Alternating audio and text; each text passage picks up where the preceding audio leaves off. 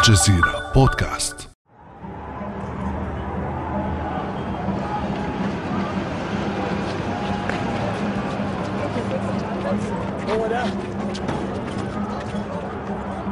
كانت الأيام الثلاثة التي سبقت 25 يناير. أيام ممكن نسميها أيام كثيفة الزمن.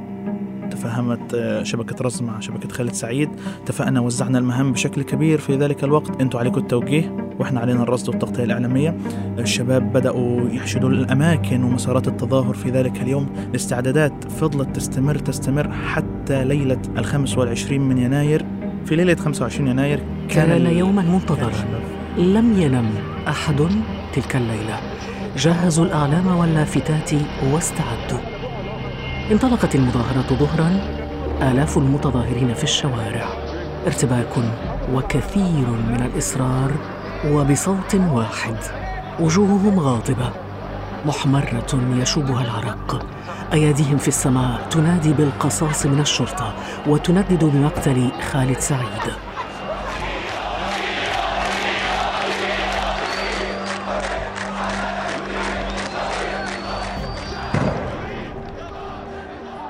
لم يكن في علم هؤلاء الشباب أن كرة الثلج تلك ستكبر وستكبر لتطيح بنظام كامل. في الوقت الذي كان رجاله مستعدون بعصيهم بقنابلهم بدباباتهم وبعرباتهم المدرعة لقمع أي تحرك. يا حبيبي ابعدوا عنه خليه يعرف انفس يا حبيبي.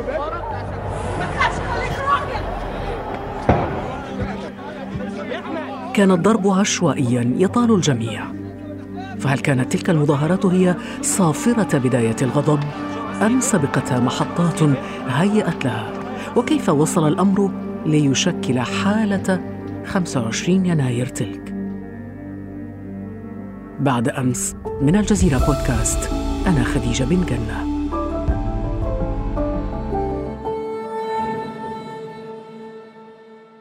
معنا هنا في الاستوديو أنس حسن مدير موقع ميدان وأحد الشباب الذين شاركوا في ثورة 25 يناير. أنس قبل أن نبدأ النقاش أريد جوابا صريحا. أنت ندمان أنك شاركت في الثورة؟ بعد تسع سنوات من الثورة؟ لا ما أقدرش أقول أن أنا ندمان. بالعكس الثورة كانت سبب رئيسي في إن أنا أكون ما أنا عليه الآن، سبب رئيسي في إن أنا أقرأ العالم بنظرة مختلفة، سبب رئيسي في إن أنا أؤمن بوطني. إنه هناك شباب ندموا على آه في في شباب ندموا في شباب تحطموا. ولكن أنا وقطاع كبير من جيلي يمكن صوت الندمانين أكبر دلوقتي، لكن في النهاية أنا أزعم إن كثير من الشباب كثير من الحالات الثقافية والفكرية والسياسية، كثير من الشعور الوطني تجاه مصر لدى جيل كبير تشكل في يناير. بعد تسع سنوات إيش اللي بيخلي شعلة الأمل ما زالت موجودة بداخلك إنه هذه الثورة ستنتصر يوما ما؟ شعلة الأمل سببها شيء بسيط جدا، كل الثورات اللي خاضتها شعوب ودخلوا فيها وطولت. ما كانش شيء بسيط أو مجرد حالة. إحنا كنا حالمين صح في يناير.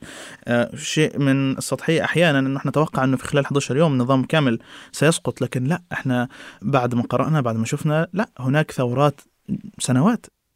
أنس كبر تسع سنوات م. بعد هذه الثورة. لن أسألك عن عمرك. رغم أنه أنتم الرجال ما عندكم عقدة من العمر. نتكلم على 30 31 سنة تقريبا. ما شاء الله. إذا كنت في بداية العشرينيات آه. لما خرجت في هذه الثورة. أنس 22 سنة غير أنس 31 سنة. اليوم لو رجعنا إلى أنس القديم اللي كان شاب إيش اللي خلى أنس في بداية العشرينيات يخرج من بيته ويشارك في هذه الثورة ثورة الخمسة وعشرين. يعني أنت وجيلك طبعا كل جيل الشباب اللي تقريبا هم كلهم من مواليد ربما نهاية الثمانينيات وبداية التسعينيات. ده سؤال مهم جدا أنه في جيل نزل في يناير هو جيل لم يكن متأزم من المشاكل الاقتصادية اللي هو الجيل الصغير اللي كان في الجامعة ده اللي أهله لسه بيصرفوا عليه إحنا بنحكي عنه. هو تأثر بالحالة الموجودة. أنا أنا لما طلعت من بيتي وغيري لما طلع من بيته قررنا أن يكون لنا فاعلية اجتماعية. إحنا كنا عايزين يكون لنا فاعلية سياسية. كنا عايزين يكون لنا يد في صناعة هذا الوطن في صناعة مستقبله في كيف نصوغه ننهض به. وبالتالي كان عندنا أمل كبير إنه يكون لنا دور صرخة إنه لابد أن يسمع لنا في صناعة هذا الوطن في المستقبل. لا يجب أن يكون هذا الوطن مختطفا من قبل مجموعات أو أحزاب أو حتى الحالة نفسها كانت خروج على كل البنية التقليدية المصرية. يعني شو اللي بخرج شباب في هذه الأعمار الصغيرة؟ يعني تتحدث عن مواليد التسعينيات بداية التسعينيات. إيش اللي بخرجهم من بيوتهم للاحتجاج في هذه الثورة؟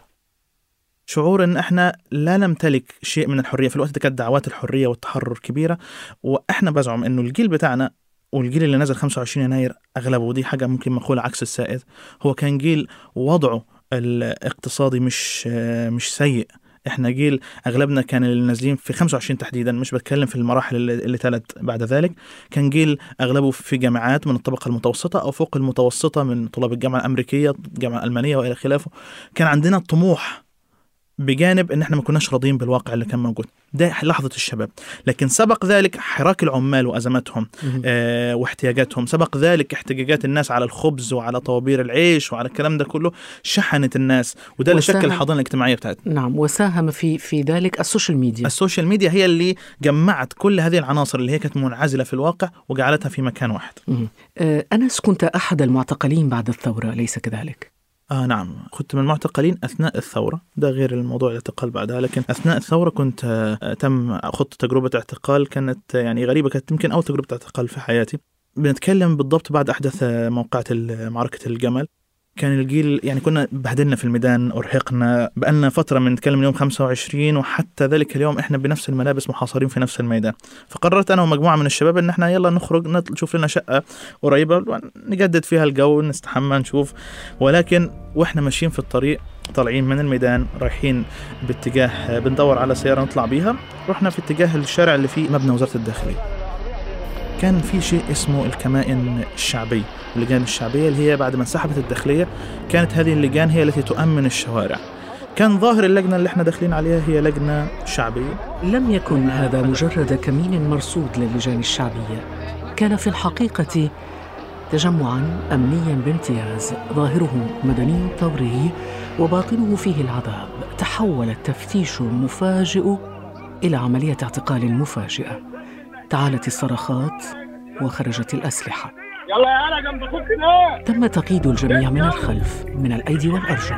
ومنذ تلك اللحظة وحتى وقت خروجهم لم تبصر عيونهم النور. كانت أول ليلة لهم في ضيافة المخابرات الحربية. ومع جرعات من الكهرباء وكثير من الضرب استمر الاستجواب حتى الفجر. ضرب صعق وتهديد وصرخات تسمع من الغرف المجاورة. لا دخول انفراديا للحمام بل برفقة الجلادين. والنوم لن يكون حتى في زنزانة مستقلة بل ممددين نصف عرايا على بلاط بارد في أقصى أيام الشتاء. في الوقت الذي كان الهتاف في التحرير مستمرا والمفاوضات في الغرف المغلقة بين السياسيين لم تنقطع. في محاولة للخروج من مأزق كرة الثلج. هل أنس كنت تتوقع أنت وجيلك الذين خرجوا فيه في ثورة 25 يناير أنه كل ما حدث بعد ذلك كان ممكن يحدث؟ يعني توقعتم أن يتعثر مسار المسار الديمقراطي آه، بعد كل الأمال التي حملها أو حملتها الانتخابات التي أفضت إلى انتخاب الرئيس محمد مرسي الله يرحمه؟ الدكتور محمد محمد مرسي عيسى العياط 13 مليون. 230 ثم حدث انقلاب عسكري وجاء عبد الفتاح سعيد. حسين خليل السيسي و و و يعني كل هذه المراحل هذه الأحداث التي حدثت خلال التسع سنوات هل توقعتم يوما وأنتم تخرجون إلى ميدان التحرير أنه ممكن يتعثر المسار؟